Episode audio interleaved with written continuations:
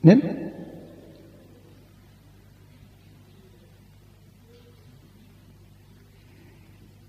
Setunggalipun hadis Rasulullah sallallahu alaihi wa alihi wasallam wonten tiyang jaler tanglet dateng Rasulullah sallallahu alaihi wa alihi wasallam matur kula Kanjeng Nabi ma huwal ikhlas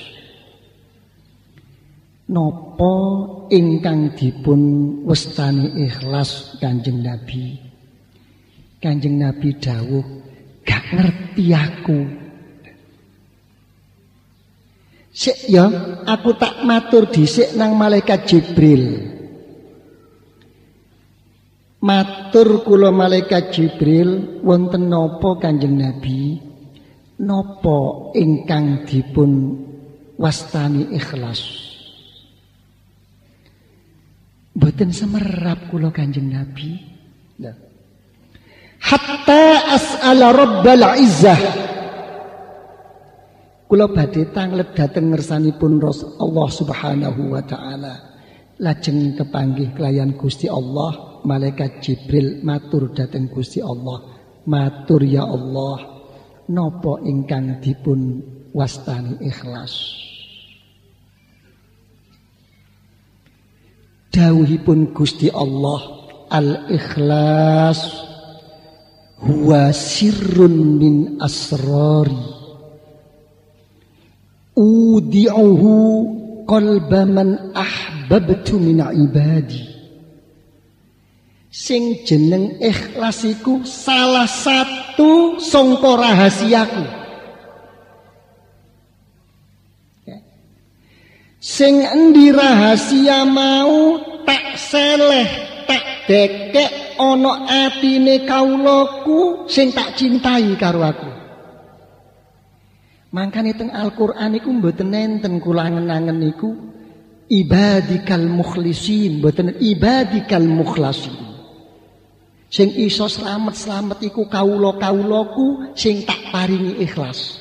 Mboten kawula-kawulaku sing ikhlas mboten. Kawula-kawulaku sing tak paringi ikhlas.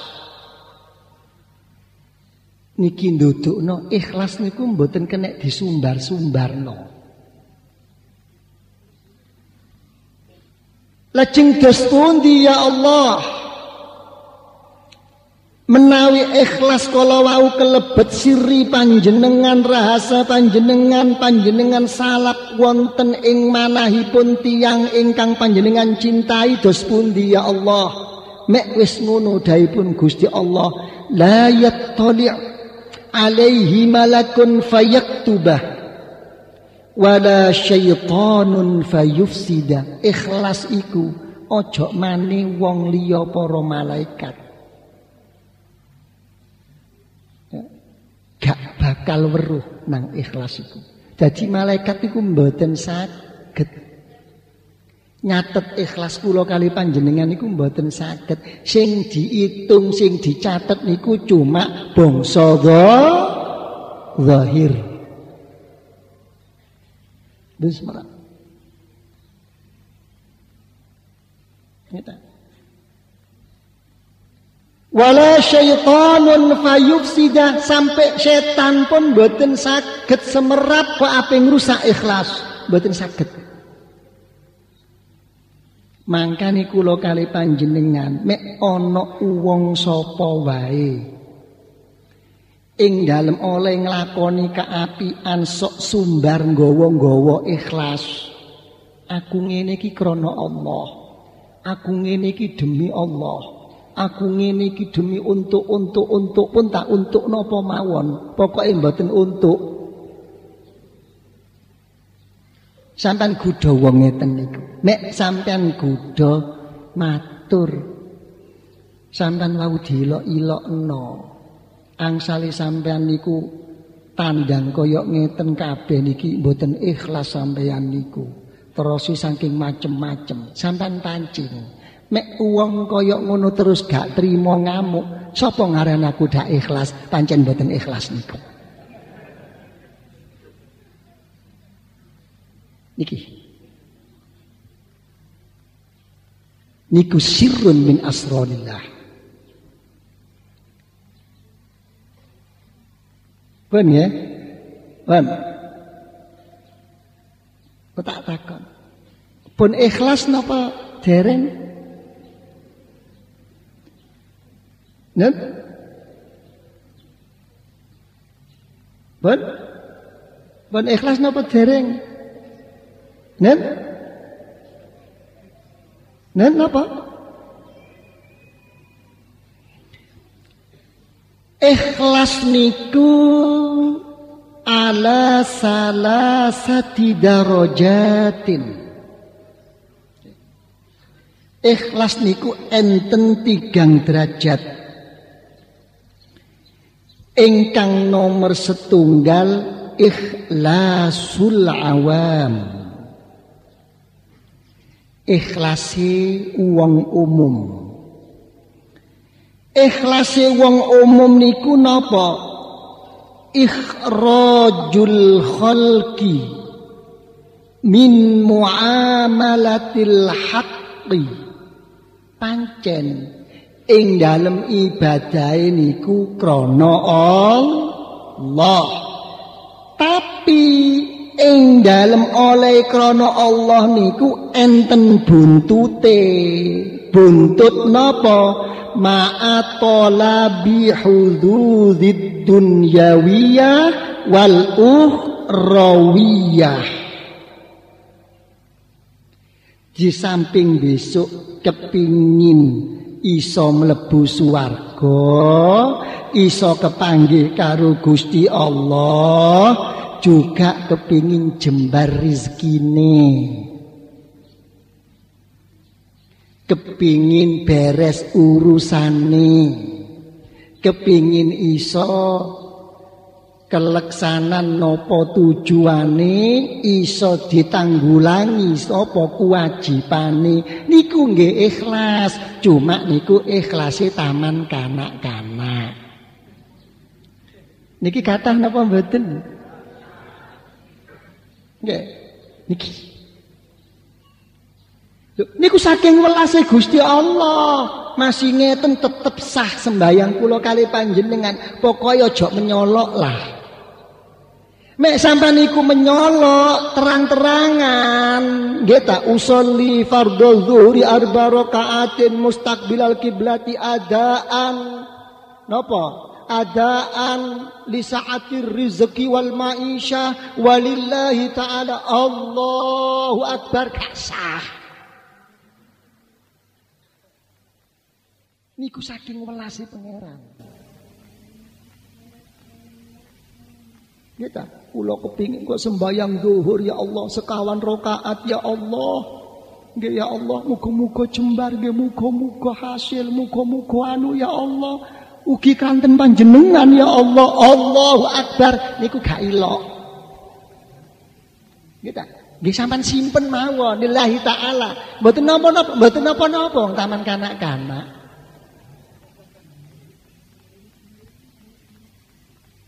Niki. Niki ikhlase taman kanak ka taman kanak-kanak. Duka niki kanak-kanake sak pinten niki. Napa nol kecil napa nol besar niku terserah. Cici. Engkang nomor kali ikhlasul khawas. ikhlase tiang-tiang ingkang istimewa. Ngene. Maksudipun niku napa? Ikhlasipun talabu huludil ukhrawiyah dunat dunyawiyah. Sing diteleki niku cuma sing penting besok iso selamat saka neraka pinaringan mlebu suwarga. Go mboten diembel-embeli urusan dunyawi dunyawiyah. Wong sing ngeten niku iso nglunggukno ibadahe. Aku mek tepake sembayang wajib sing diwajibno karo Gusti Allah, wis gak urusan apa-apa. Sing penting aku besok selamat mlebu swarga. Ngeten. Urusan dunya ana sembayang dhewe, sembayang apa? Sembayang hajat, ngeten. Ana sembayang maneh, sembayang apa? Sembayang duha. Nggih, supaya dilirik, supaya lancar. Yo kok tengah-tengah ana maneh sembayang tahajud. Nah, ngeten lho. Niku termasuk ikhlase wong sing istimewa. Sakit napa mboten? Nek Mugimu insyaallah insyaallah tok bae. Piye to kowe? Ngeten ta. Nggih. Saged napa mboten? Wah, pinter ngeten lho. Ten. Lajeng ingkang nomor tiga niku napa ikhlasul khawasil khawas ikhlasipun tiang-tiang ingkang sanget istimewa wonten ing ngersanipun Allah. Wong sing kaya ngeten niku ikhlas napa jenengipun? Ikhrajul hudzul bil kulliyah. Ngetokno bagian napa mawon urusan donya urusan akhirat sing wonten akhirat kabeh niku mboten dipun kersakaken ingkang dipun kersakaken namung setunggal. Napa? Ngerasa cinta, ngerasa rindu, besok kepingin kepanggih, mirsani indahipun Gusti Allah. wa anna ila rabbikal muntaha. Kepingin napa mboten kepingin napa mboten lah nek pun kepingin kira-kira kula kali sampean pun gak ada tiket napa dereng?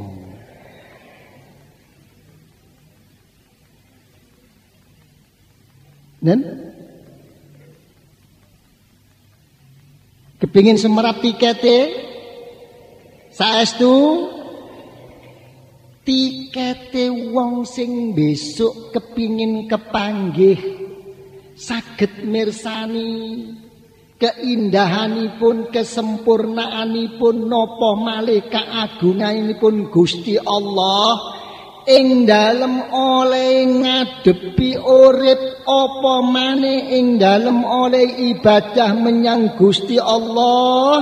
Selalu napa tahqiqul ubudiyah wal qiyamu biwadhaifir rububiyah. Atine selalu keisen jerok-jerok no nemen-nemeni ing dalem oleh ngrasa mangawula dateng Gusti Allah. Aja macem-macem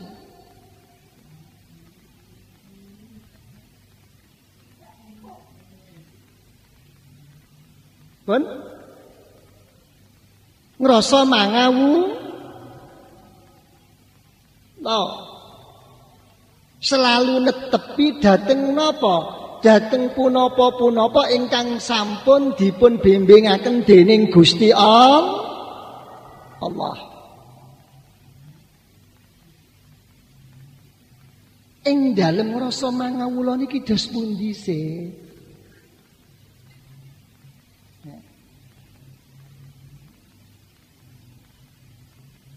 Dados pikiranipun manahipun niku mboten isi napa-napa. Sing diiseni namung siji tok. Wis gak ngono-ngono, gak ngene-ngene. Mek aku pancen sampe nglakoni ngene ngono, memperjuangno ngene ngono, gak ana maneh aku ki sing penting pokoke mangawula dhateng Gusti Allah.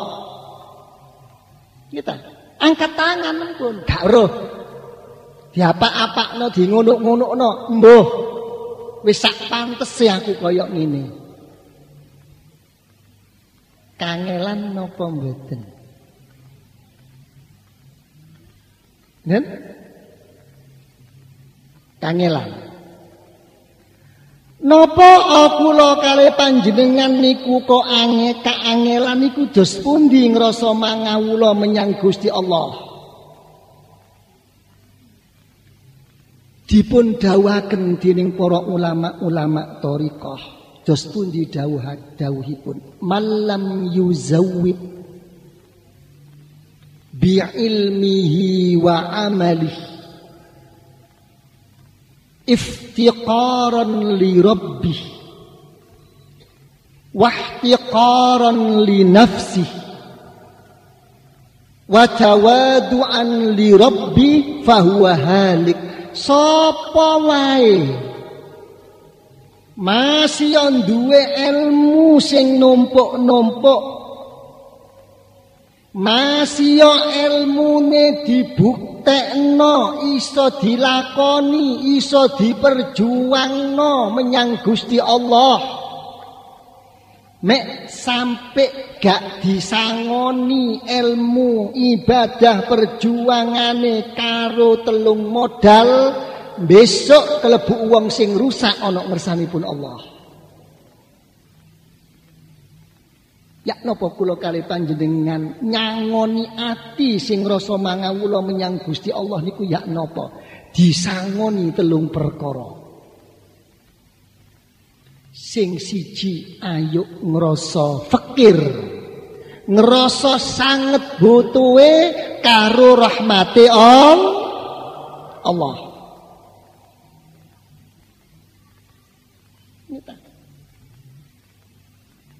Napa malih mek kula kali panjenengan niku nglakoni ibadah zikir luwih butuh karo rahmati Allah. Napa kok dibutuhno mergo kuatir ilmu ibadah perjuangane mboten diterima karo Gusti Allah. Engkang nomor kali wahtiqaran li nafsi ngrasa ino awake. Niki sing angel. Mpun dados cekelane wong tarika. Sapa wae sing akeh ilmune, sing temen ibadahe, sing numpuk ibadahe mek wong ing dalem duwe ilmu ibadah gak netepi tata krama senajan mlebu swarga besok gak bakal ditemoni karo Gusti Allah. Niki tata krama. Lho, tata krama niku duwe kunci. Sampai ajenge nyekeli tata krama sing kathah-kathah kangelan, tapi kuncine dibuka. Kuncine tata krama niki dibuka supados dadi jembar kabeh niku. Napa kuncine tata krama? Siji tok. Daipun para ulama-ulama thariqah. Napa? Syuhudun naqsi ala nafsi wal kamal ala ghairi dira wong liya luweh mulya utama tinimbang awake. Dila awake luweh ina tinimbang wong li. Niku kuncine tata krama.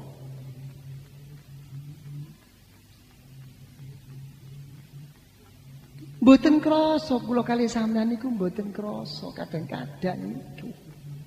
Kadang-kadang no wong, no wong. Nggih napa mboten? Mboten krasa.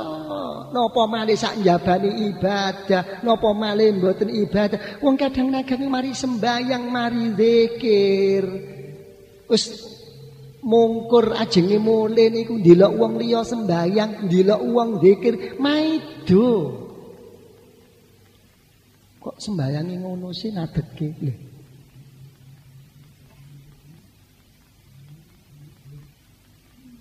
Nggih napa mboten? Dikire kok ngono sih? Mboten krasa niki. Nggih mek mandek mboten napa-napa mek pancen iku mboten nderek aturan syariat. Mek selagine niku bener, aja gampang ngomel ati niku. Aja gampang maido wong. Gawane wong niku mek pun maido wong, mboten krasa langsung nyaut teng atine dhewe awake luwih hebat tinimbang wong li. Mboten krasa wahtiqaran li nafsi ingkang nomor kalih modali ilmu modali ibadah perjuangan ayo selalu ngrasai ino. Nggih kadang-kadang pancen mboten sadar. Nggih Ustaz, nggih Pak Yai, nggih penitia, menawi niki mboten enten sampean, mboten jalan pembangunan niki. Mboten krasa kadang-kadang nggih panjenengan, arek-arek niku gayae. Nggih ta? Mek mboten kula tangani niku pancen rada anu arek-arek. Lah wingi niku sampe telek-telekan kula. Lho coba. Salah to yai kula mboten ngomong babakan salah. Bener, cuma atimu kuat ndak kon ngomong kaya ngono.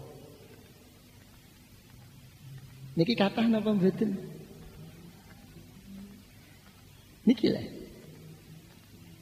Pun Engkang nomor tiga Nopo modale ilmu modale ibadah zikir perjuangan krono Allah dados sae niku wa tawadu'an li khalqi ayo sing duwe rasa rendah diri karo sapa wae Kadang-kadang kula kali panjenengan niku iso temen karo Gusti Allah, iso ndilu karo Rasulullah, iso manut karo gurune, iso merem ana ing ngarepe wong-wong sing soleh, tapi karo sepadane gak iso.